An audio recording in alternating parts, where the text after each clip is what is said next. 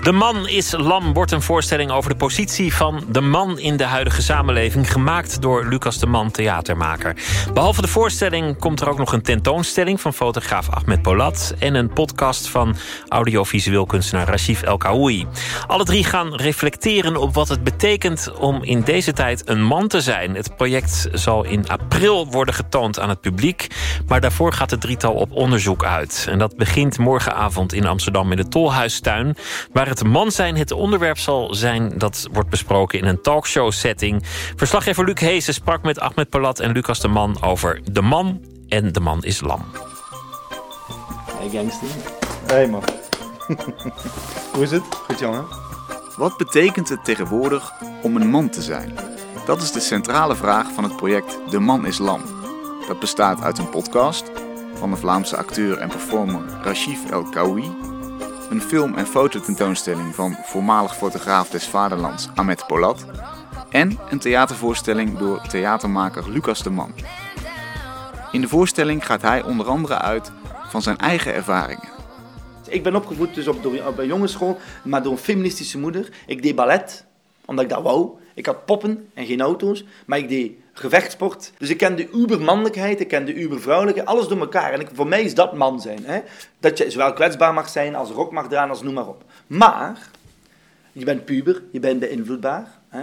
Mijn moeder, feministe, allemaal feministische boeken. Ik die lezen natuurlijk. Opnemen, opnemen. En ik was overtuigd van alles wat je ziet op de media. Mannen zijn losers en mannen verkrachten en mannen doen geweld. En 95% van de bevolking in de gevangenis zijn mannen, dus mannen zijn slecht. Was in mijn hoofd. Hè. Mijn moeder heeft dat nooit zo gezegd.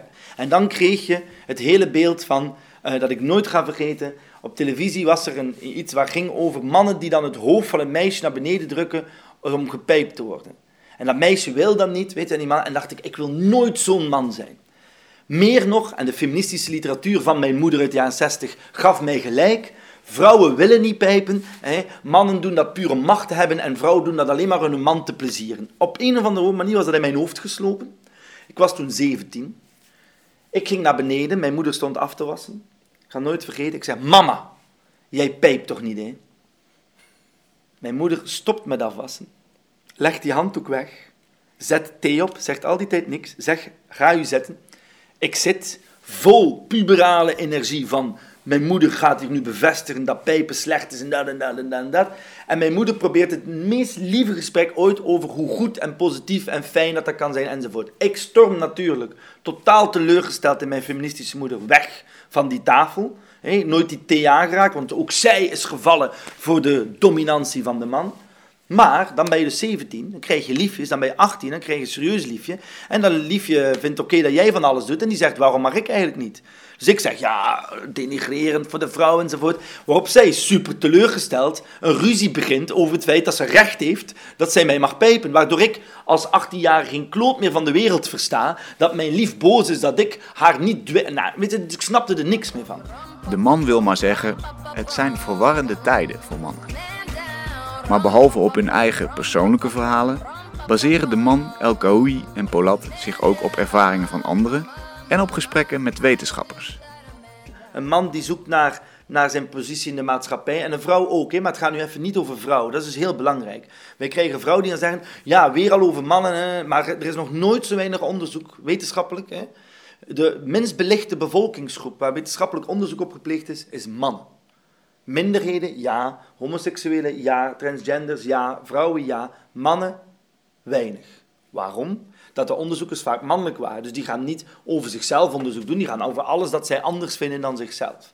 Voor het eerst ooit in de geschiedenis van het Westen is hoe de man zich verhoudt in zijn relatie, in zijn huiselijk leven en in zijn werkleven overhoop gehaald. Jij runt de wereld, je komt met geld en met kennis terug en je gezin is helemaal blij op jou.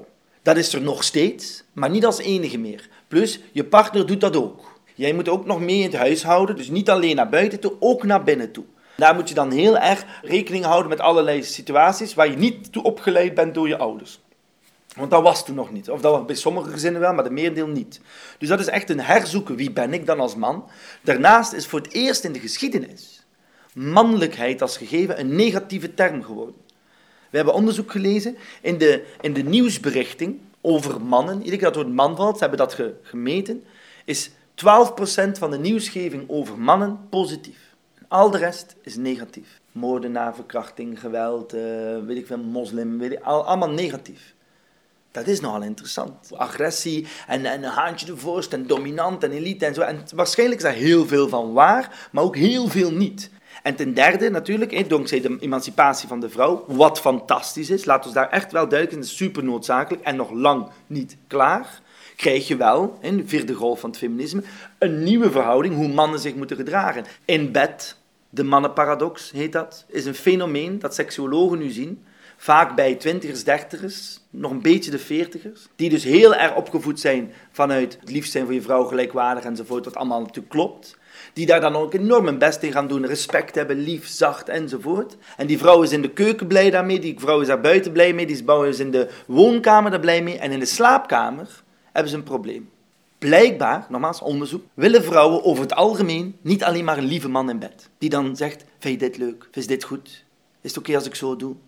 Een seksuoloog tegen ons zei, verschil is niet fijn in relaties, maar verschil is essentieel in de slaapkamer, hij. Nogmaals, gelijkwaardigheid in de slaapkamer, heel belangrijk. Maar gelijkheid niet. Nou, veel mannen kunnen dat niet meer. Of snappen dat niet, of durven dat niet. Dat is één interessant. Die mannenparadox vind ik het super interessant.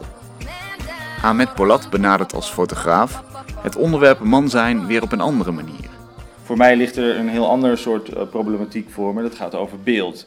In mijn onderzoek kwam ik gewoon ook heel snel achter dat heel veel uh, beeldverhalen, als het gaat over gender issues, dat het dan vooral ook gelijk de extreme vormen zijn van. Dus je ziet uh, veel onderzoek in uh, nou, homoseksuelen, maar dan ook over transseksuelen of, of nou, wat in een mooie serie die ik wel laatst zag in Rotterdam, mannen die voormalig vrouw waren en daar dan portretten van, zeg maar. Maar wat mij op een gegeven moment opviel, was dat het altijd portretten zijn en op zichzelf staand. Dus nooit naar elkaar toe of dat ze zich nooit uh, naar elkaar verhouden. In, in beeld dus een, een soort dynamiek aangaan of dat er verhalen zijn waar mensen in groepen mensen, groepen mannen uh, met elkaar iets aan het doen zijn. En um, ja, dat was voor mij eigenlijk wel heel erg duidelijk dat, daar iets, dat we daar gewoon iets in misten. Als ik een voorbeeld mag geven daarvan, ja. is een beeld dat wij direct hadden dat ons, dat ons bond, uh, was de begrafenis. Elke man als oergegeven begraaft op een gegeven moment zijn moeder. Gelijk welke cultuur of kleur of achtergrond of dik of dun of duin, moet begrafenissen, rituelen zoeken. Hoe gaan we om met de dood? Grafgraven, de, de kist brengen, in laten zakken. Dat is echt zo'n oerbeeld. Dus dan moet je echt zien, heel veel verschillende soorten mannen, die wij allemaal geïnterviewd hebben, dus door geen acteurs of zo, die door Ahmed in een grote set gefilmd worden met zijn speciale cameratechnieken, waardoor je dus die, die scène niet als een leuk filmfragment ziet of zo, wat heel mooi kan zijn, maar eigenlijk als een soort fotografie die heel rustig beweegt, zonder dat het allemaal verschillende foto's naar elkaar zijn. Dus het is eigenlijk één enorme uh, scène die dan uh, die begrafenis laat zien, maar door alle verschillende details krijg je eigenlijk een mannenwereld die zich op zoveel manieren uit. Wel huilen, niet huilen, noem maar op, hè? dat. Het lijkt alsof je uh, naar een foto kijkt, maar die langzaam jou meeneemt door een bepaald soort beweging te kunnen maken langzaam krijg je het gevoel dat je in een soort kijkdoos zit. En de kleinste dingen die mensen doen, worden opeens heel erg uitvergroot, want je staat er langer bij stil. Zodat je bijvoorbeeld bij iemand die bij de kapper zit, waar zijn oren worden eh, bijgewerkt, waardoor het opeens een hele sensitieve handeling wordt. In plaats van een ruwe kapper die met een schaar eh, bezig is, alsof hij bij de slager zit. En dat is waar het om gaat, volgens mij, empathie. Uiteindelijk gaat het over dat je uh, meer durft te kijken naar de ander met een, op een gevoelsniveau. Niet alleen maar vanuit een intellectueel niveau. Als mannen bij elkaar komen, als goede vrienden, een groep goede vrienden bij elkaar komen, kunnen we allemaal weer 14 zijn. kunnen we allemaal weer een spelletje spelen met elkaar. Of gewoon lol trappen, of tegen elkaar aanlopen schurken. Maar kijk, dat mannen onderling, dat is natuurlijk wat Ahmed nu over heeft. is natuurlijk echt wel grappig hoe dat, dat gewoon werkt. Of je dat ook kent. Als je echt met goede mannenvrienden bent, komt er toch een soort heerlijke, ruwe oerniveau er weer in. Weet je? Vind ik heerlijk. Ik ben tegen de bangalijst, maar aan de andere kant snap ik het. Weet je?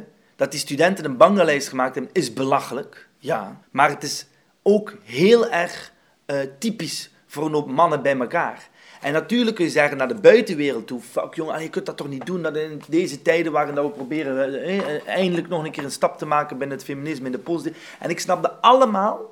Maar hier komt de complexiteit. Tegelijk snap ik zo'n manga-lijst. Net zoals vrouwen punten geven aan hun vriendjes tegen bij elkaar en zeggen hoe groot zijn pik of niet was. Dan kun je ook zeggen, herleidt ons niet tot onze pik. Maar aan de andere kant snap ik dat. Dat is die gelaagdheid in een mens. Ik pleit voor complexiteit. En dat is dus het aller, allermoeilijkste om te bespreken. Dus waar gaat die voorstelling over? Voortdurend over het feit dat, het om, dat mens zijn belangrijk is dan één aspect van je identiteit. Maar man zijn is een aspect van mijn identiteit, die mij in een bepaald hoekje duwt, en omdat het ook een aspect van mijn naam is, nog meer in een hoekje duwt, waarvan ik denk, oké, dan ga ik dat hoekje ook een keer bekijken. De man islam, en dan komen er mensen naar ons en zeggen, van, gaat dan over de islam? Ik zeg, ook. Gaat dat over mannen? Ook. En dat is al vervelend. Hoezo ook? Moet er maar, het moet toch heel duidelijk zijn? Nee, juist niet. Alleen de voorstelling zal superhelder zijn. De documentaire uh, reeks die Ahmed gaat maken en de, en de tentoonstelling superhelder zijn. Omdat wij natuurlijk kunstenaars zijn, dus wij weten ons vak wel. Maar, maar het gegeven dat wij heel helder gaan communiceren, is lang leven de complexiteit.